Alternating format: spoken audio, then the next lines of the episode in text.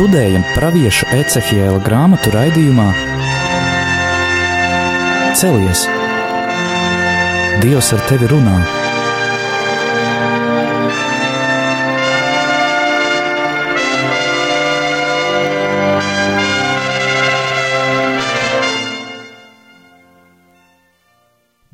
Slavēts Jēzus Kristus! Mūžīgi mūžos slavēts Studijā Stēla un Anžela. Turpināsim pētīt šodien Ecihēla grāmatu. Iepriekšējā reizē mēs lasījām devīto nodaļu un skatījāmies, kā Dievs sūta šo sodu par pilsētu, par templi. Lasījām par šiem sešiem vīriem, kas nāk no kuriem viens ir ģērbts baltās linu drēbēs, un tur varam saskatīt jau pat pašu Kristu, kas nāk tiesāt. Redzējām arī to, ka ir kādi cilvēki, kas paliek kunga likumam uzticīgi, un viņi ir iezīmēti, kā ierakstīti grāmatā, jo vīram baltajā tērpā pie justas ir rakstāmierīgi. Tad viņi ir atpazīti un paliek saudzēti visās šajās briesmās, Un vēl mēs varam ievērot, ka dieva godība jau iet prom no tempļa un atrodas uz sliekšņa. Tas slieksnis ir tāda kā robeža, kur dievs ir apstājies, lai spriestu tiesu. Tas ir tā kā tāds tiesneša krēsls, tiesas spriešanas vieta, kur kungs jau gatavojoties pamest šo svētnīcu, kur ilgu laiku viņš ir saņēmis pielūgsmi, bet no kurienes viņš tiek padzīts ar citu dievu pielūgšanu, viņš atskatās uz to un dod savu spriedumu.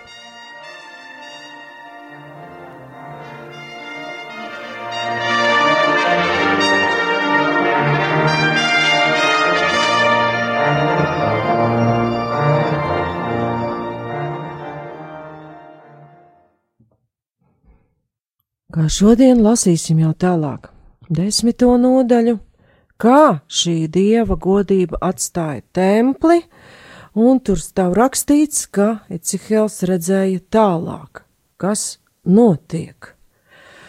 Un tur jau šis sots palēnām sāk īstenoties. Var saprast, ka tas, kas ir teikts devītajā nodaļā, nāk šie postītāji,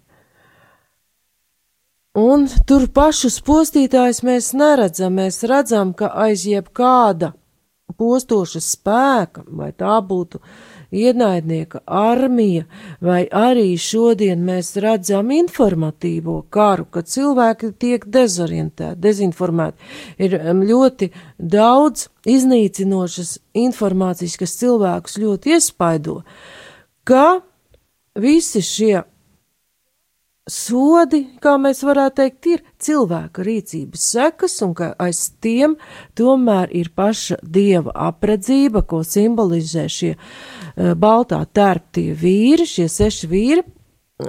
Kādas tās drēbes ir, ir vairāk atzīmēts tikai uz vienu, pa pārējo apģērbu nekas nav teikts, bet mēs varam saprast, ka tie, kas nāk izpildīt šo kunga spriedumu, ir kopā ar to, kas ir ģērbies baltajās drēbēs.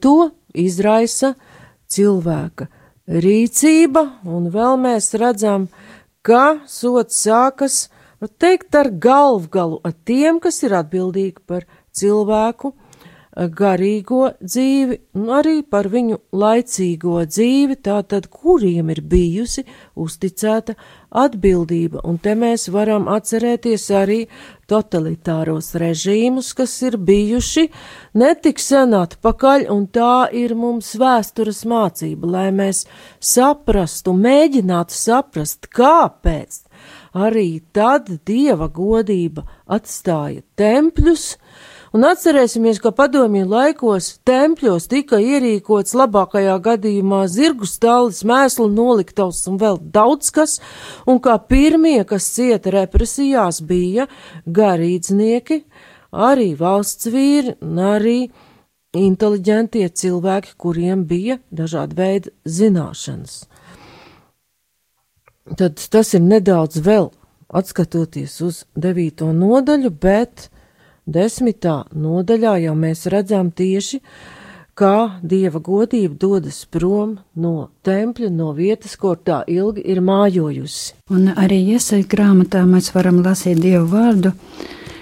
Redzi, manā priekšā ir rakstīts, un es nerimšu, kamēr es nebūšu atmaksājis. Tiešām es atmaksāšu to viņiem, un likšu viņiem to sajust viņu krūtīs un sirdīs par jūsu noziegumiem un par jūsu tēvu noziegumiem kopā, tā saka tas kungs, jo tāpēc, ka tie kvēpināja uz kalniem un mani zaimoja uz pakalniem, es tiem vispirms ielikšu viņu klēpī un viņiem pienācīgu algu.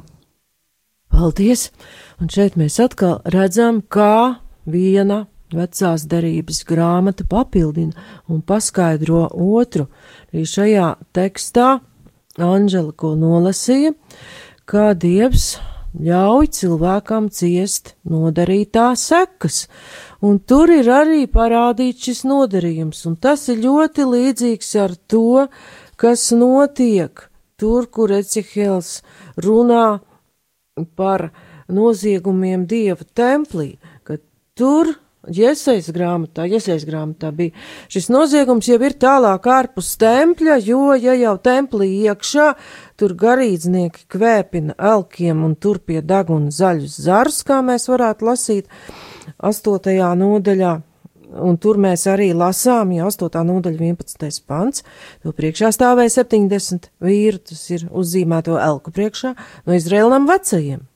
Viņu starpā jāsāņa safana dēls, katram bija rokā kvēpināmais trauks, smaržīgi kvēpinām zāļu dūmāk, un pacēlās uz augšu.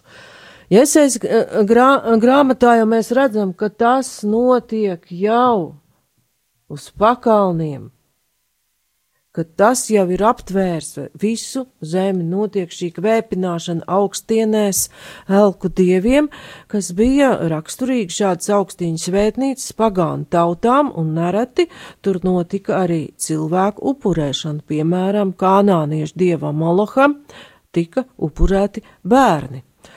Un šodien jau it kā mūsdienu elku dievam cilvēkus tiešā nozīmē neupurē. Bet, ja cilvēks pilnībā nonāk labklājības un mantas verdzībā un tiek apzināti uz to vests, viņš kā cilvēks, kā dieva attēls jau zināmā mērā zūd. Tā tad savā veidā pakļaujoties pilnībā šim naudas un ērtību dieviņam, viņš tiek viņam upurēts. Un skatoties uz ļoti lielo mantisko nelīdzvi, nelīdzvienību, tādu nelīdzsvarotību pasaulē, ka vieni ir ārprātīgi bagāti un citiem nav ko ēst, tā tad ir šis netaisnais labumu pārdalījums. Atkal mēs redzam, ka būtībā nabadzīgo cilvēku kopums tiek upurēts tam labklājības dievam, ar kuru rīkojas tiem, kas ir sagrābuši ārkārtīgi daudz. Un tad mums nav jābrīnās, ka dievs, kā redzam, sāk pamest pasauli, sāk pamest arī tempļus, jo redzam, ka baznīcas paliek tukšākas, un starp citu zemēs, kur nebūtu materiāli neklājas tik labi, viņas paliek pilnākas cilvēki meklē dievu. Un tur mēs pie iesaistas redzējām, ka dievs pilnībā atmaksās, bet vai tad ar atmaksāšanu viss apstāsies, to mēs redzēsim jau tālāk arī Ecihela grāmatā, jo tomēr ir tie cilvēki, kuri ir apzīmogoti kā kunga kalpi un kas kalpo kā tāds ieraugs, jau nākamajai dieva tautai, kas pie viņa turēsies, no kurienes atkal kunga vārds izies pasaulē, un mīroņkaula ielai varēs kļūt dzīva, un kungs, kungs un viņa godība atgriezties templī, jo Ecihela grāmatas beigās mēs redzēsim, ka kunga godība nav aizgājusi uz visiem laikiem. Tā atgriezīsies. Un,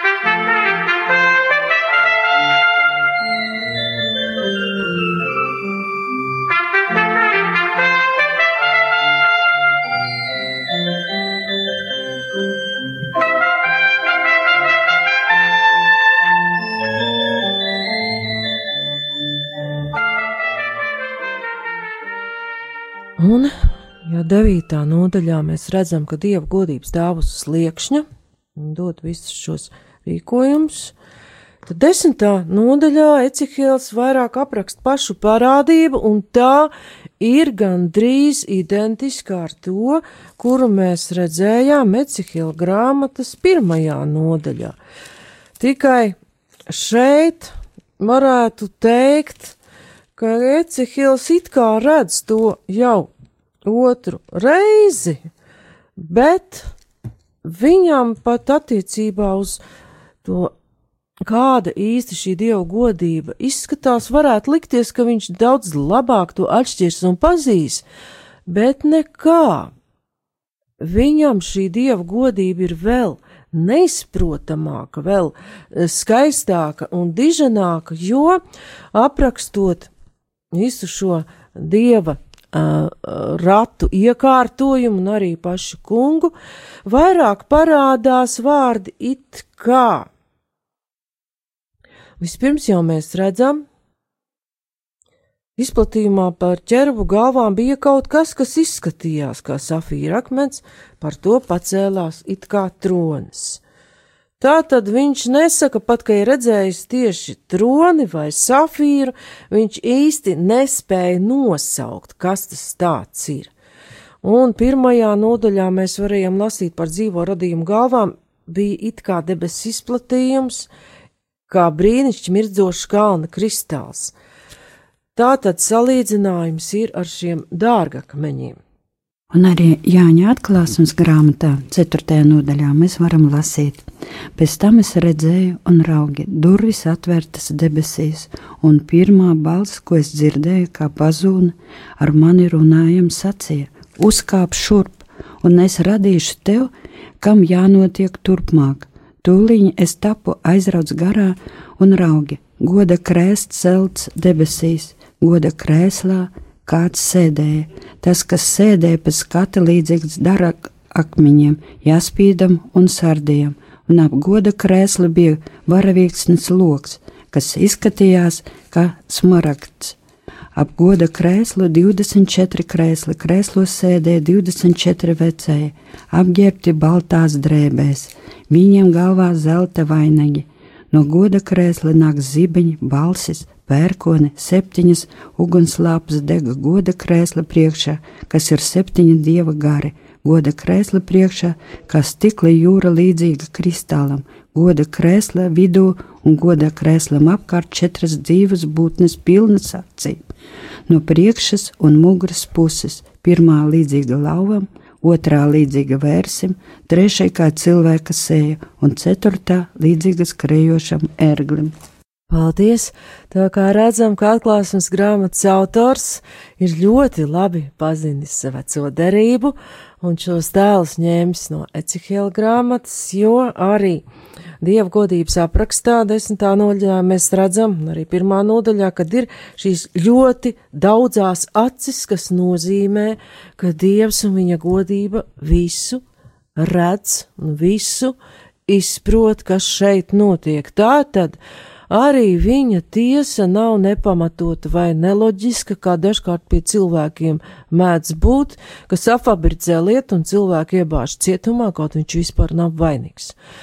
Dievs mums vienkārši ļauj cilvēkiem ciest savas rīcības sekas. Un redzam arī to, ka šis dieva godības, viņa troņa, viņa sēdekļa apraksts ir saistīts gan atklāsmes grāmatā, gan Ecihela grāmatā, kas tur notiek. Tur notiek tiesa. Tur tiek dots spriedums par cilvēka darbiem, Un kāds, kura darbs ir, par to runā jau pirmā vēstulē korintiešiem apustulis Pāvils 3. nodaļa 13. pants, ka Pārbaudījums ir tas, kas izšķir, kāds kura darbs ir, jo mēs varam saprast arī to, ka tie iezīmētie, atzīmētie cilvēki, viņi jau nekur no tās uh, nāvē lemtās pilsētas tur netiek aizvākti prom, viņi tur paliek, bet viņi tiek pasaudzēti un iztur. Tātad tas viņu darbs, viņu nostāja pret kungu un uzticību kungām nozīmē, ka viņi paliek dzīvi. Un šeit ir atkal šis apraksts, un kā jau minēju, šo to Ecihils saprot vēl nedaudz sliktāk, bet te ir nosaukts jau tas, varētu teikt, godības troņa nesējs, ka viņš lido virs ķerubiem, un tur ir arī šie riteņi. Ir nosaukt jau šī viena no augstajām eņģeļu kārtām, ķerbu un dzēram, šeit ir minēti ķerubi. Uh, Un vēl mēs varam redzēt, ka tas, kas izskatījās kā safīra akmens un par to pacēlās it kā tronis, viņš ir pāri arī šīm ļoti augstas hierarhijas eņģeļu būtnēm, pār ķerbu galvām. Tātad kungs ir pāri eh, gan par cilvēkiem, gan radībām, gan arī šīm debesu hierarhijas augstajām būtnēm. Un kungs uzrunā vīru baltajā līna audeklā. Un it kā nav nekādas norādes tiešas uz jauno derību, kaut gan tur vēlāk būs tā, ka būs gan daži vārdi, kas jau ļaus to noprast. Ej un ņem kvēlošas ogles, pilnas saujas, kas ir ķērubiem, viņi ratu riteņu starpā, un kaisi ogles pār pilsētu. Tad nāks uguns no debesīm uz pilsētu, jo atceramies, ka arī vecajā derībā bija tāds notikums, vēl radīšanas grāmatā, ka bija divas pilsētas, kas dzīvoja ļoti ļaunu dzīvesveidu, un kaut arī Ābrahāms mēģināja pa viņām aizlūgt, bet izrādījās ne katru, neviena taisna nav, Tad nāca uguns no debesīm un iznīcināja Sodomu un Gomoru. Tad šeit notiek kaut kas līdzīgs, un arī šie tēli, šis simbols, ogles, sasaucās ar Jāņa atklāsmes grāmatu.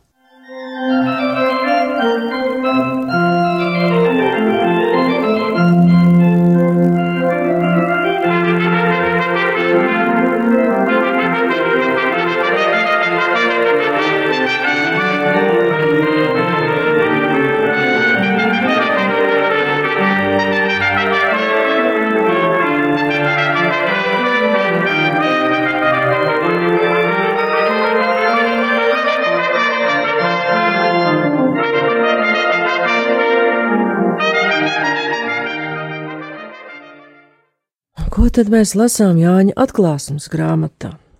Tur notiek septiņu zīmogu atvēršana. Un tad mēs gandrīz jau varam saprast, no kurienes tās ogles nāk.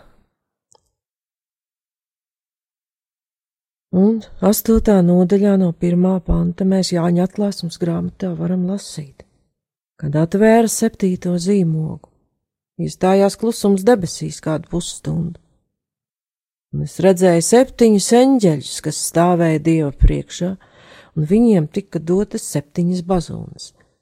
Tad nāca cits eņģelis un nostājās pie altāra, turēdams zelta kvēpināmo trauku. Viņam tika dots daudz kvēpināmā, lai pietiktu visu svēto lūgšanām uz zelta altāra goda krēsla priekšā. Un kvēpināmā dūmi ar visu svēto lūgšanām uzkāpa no eņģeļa rokām, dieva priekšā.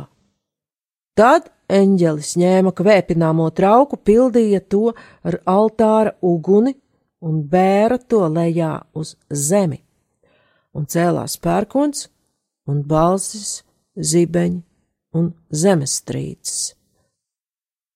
Un te var teikt, ka šajā redzējumā viens redzējums it kā iesāk jau nākamo septītais zīmogs, iesāk šo septiņu eņģeļu nesto sodu, un šeit uguns nāk jau no, tā ir altāra uguns, kas tiek bērta uz zemi, un varam redzēt, ka viņa ir saistīta, tur ir kāda saistība arī ar šo svēto lūkšanām, viņu saucienu pēc taisnības, Nacīm redzot arī ar to, kas ir rakstīts atklāsums grāmatas sestajā nodaļā un apliecina to, ka šīs daudzās acis, šī apredzība redz visu, kas zemes virsū tiek darīts, gan taisnība, gan netaisnība, jo sestās nodaļas atklāsums grāmatas devītā pantā mēs lasām par zīmogu atdarīšanu.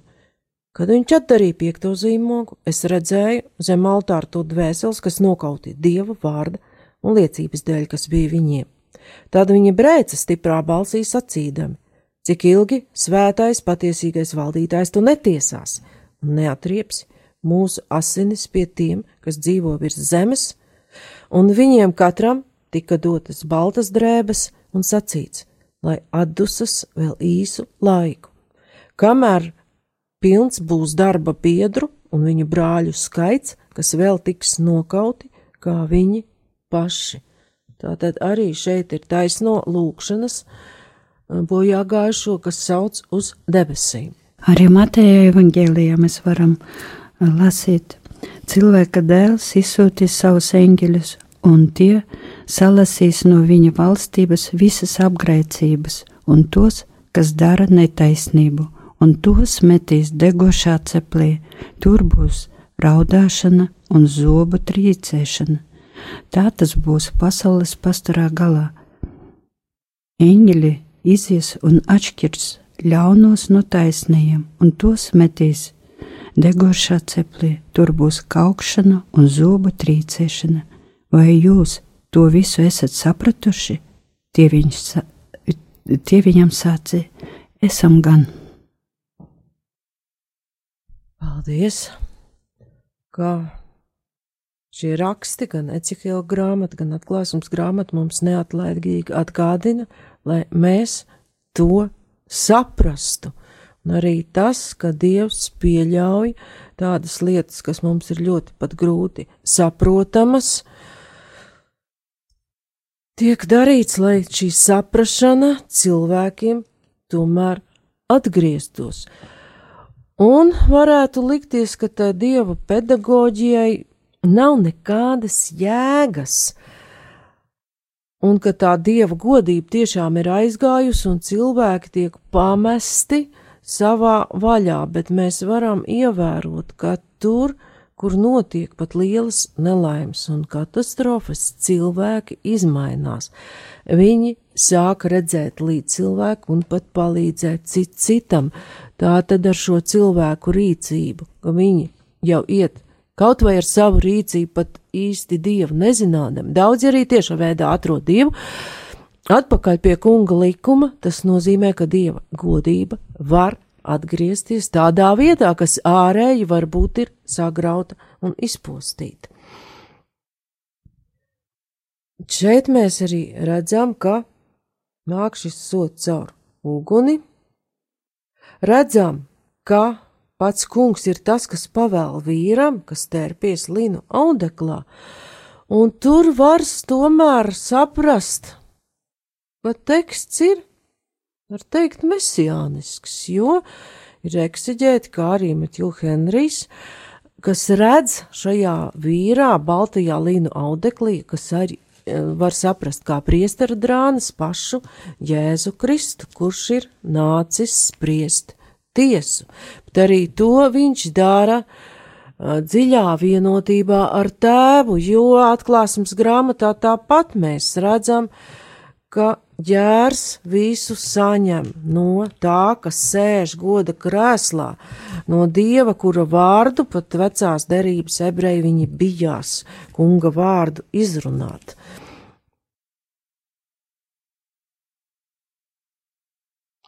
Un tur mēs varam lasīt. Atklāsmes grāmatas 5. nodaļā, 7. pantā arī ir šī nākšana un saņemšana, ka tas, kas sēž godkrēslā, dod tam, kas pienāk pie viņa. Tāpat kā šeit mēs redzam, ka ogles tiek dotas, pats kungs pavēl, un ogles tiek dotas vīram baltajās drēbēs. Viņš nāca un saņēma Sāksim jau no sestā panta, un es redzēju, goda krēsli četru dzīvo būtņu vecajo vidū, stāvam jēru, kā nokautu, ar septiņiem ragiem un septiņām acīm, kas ir septiņi dieva gari, izsūtīti pa visu pasauli. Šeit jau ir tieši parādīts Jēzus Kristus simbols - jērs ar pilnīgu varu un pilnīgu apredzību, ko simbolizē tie septiņi ragi, kas ir varas simbols, un septiņas acis, kas ir pilnīga apredzība un septiņi dieva gari, tā tad viņam ir gara pilnība.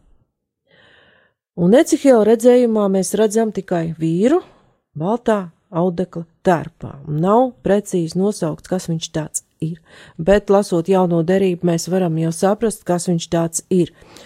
Un tālāk jau lasām. Viņš, tas jērs, nāca un saņēma grāmatu no tā labās rokas, kas sēd goda krēslā. Viņš ņēma grāmatu, tad četras dzīvās būtnes un 24 vecāji metās zemē, jēra priekšā, katrs turēdams rokā cītaras un zelta kausus, pilnus kvēpināmām zālēm, kas ir svēto lūkšanas, viņi dziedāja jaunu dziesmu, sacīdami: Tu esi cienīgs ņemt grāmatu, atvērt tās zīmogus, jo tu tapi nokauts un esi atpircis dievam ar savām asinīm cilvēkus no visām ciltīm, valodām, tautām un tautībām. Tātad te jau pilnīgi izvērsts šis redzējums par uh, Jēzu Kristu, ko Ecihils redz tikai kā vīru baltās drēbēs, kas saņem no, tagad jau no atklāsmes grāmatas skatoties saprat, saprotam no visu valdētāja, no tēva, rokas, no viņa eņģeļa rokām šīs ogles. Tad viņš izpilda tēva gribu.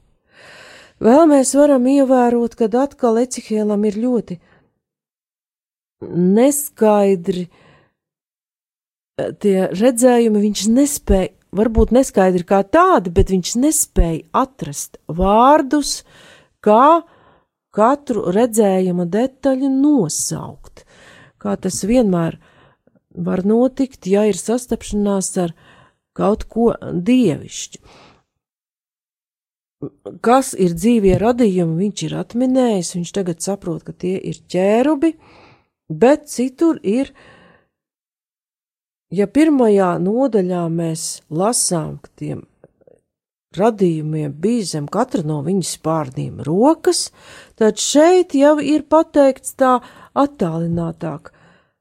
Tad ķerbim parādījās it kā cilvēka rokas veidojums zem katra no viņas spārniem. It kā veidojums, un šis it kā vienmēr norāda uz dievišķā klātbūtni, ko cilvēks nespēja aprakstīt, jo dieva klātbūtnē viss ir kā apustuls Pāvils vēlāk rakstījis, ko acis nav dzirdē, nav acis nav redzējusi, un auss nav dzirdējusi.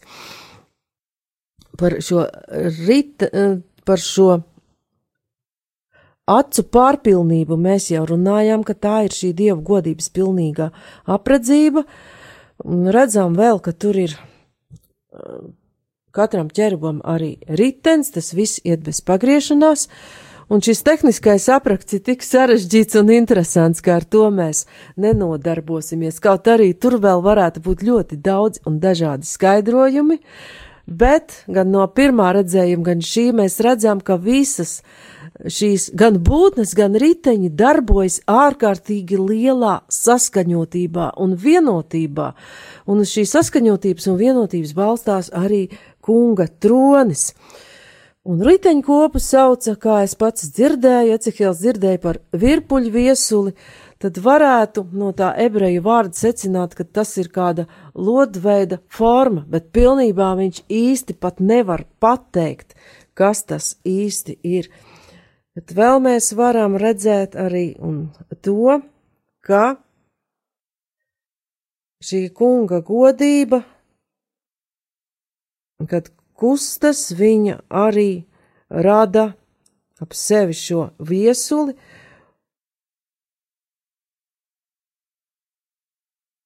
Sakustins pārns virzījās manu acu priekšā prom no zemes virsus, un tā ir arī dzirdama un jūtama, un ķerūps pārnu troksni dzirdēja līdz ārējam pagalmam, tāpat kā visvaranā balsi, kad viņš runāja. Tā Ecihils raksta desmitās nodaļas piektajā pantā.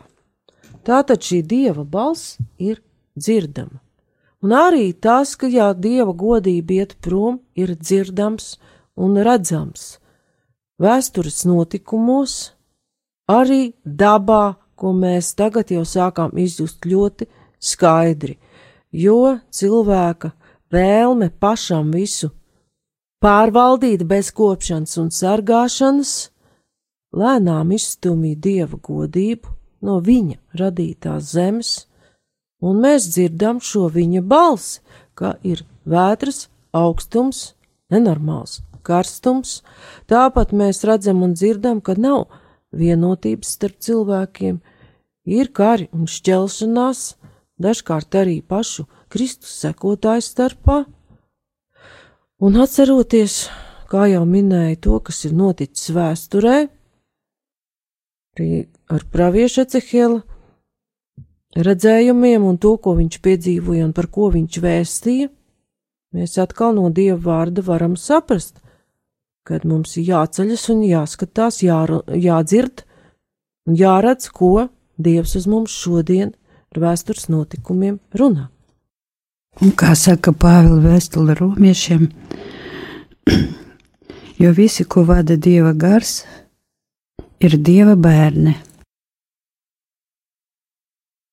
Paldies par šo īso izteikumu, jo tie, kur, kurus vada dieva gars, arī ir tie, kurus vecās derības redzējumā ir šis kunga rakstvedis apzīmējis, iezīmējis grāmatā, un arī tie, kas ir saņēmuši šo pēc kunga pavēles eņģeļa zīmogu Jāņa atklāsmes grāmatā. Un dieva garu. Un dieva gars viņiem ļauj pildīt kunga likumu arī apstākļos, kas nebūtu nav tie patīkamākie un labākie. Nākamajā reizē mēs jau pievērsīsimies daudz tai gaišākai tēmai, kad Dievs ir apsolījis atjaunot Izrēlu. Paldies par uzmanību! Studijā bija Stela un Anģela.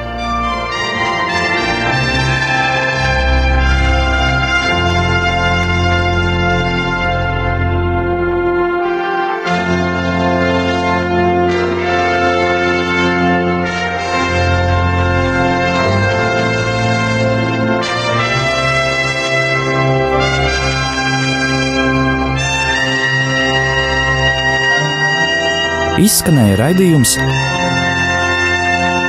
Celies! Dievs ar tevi runā!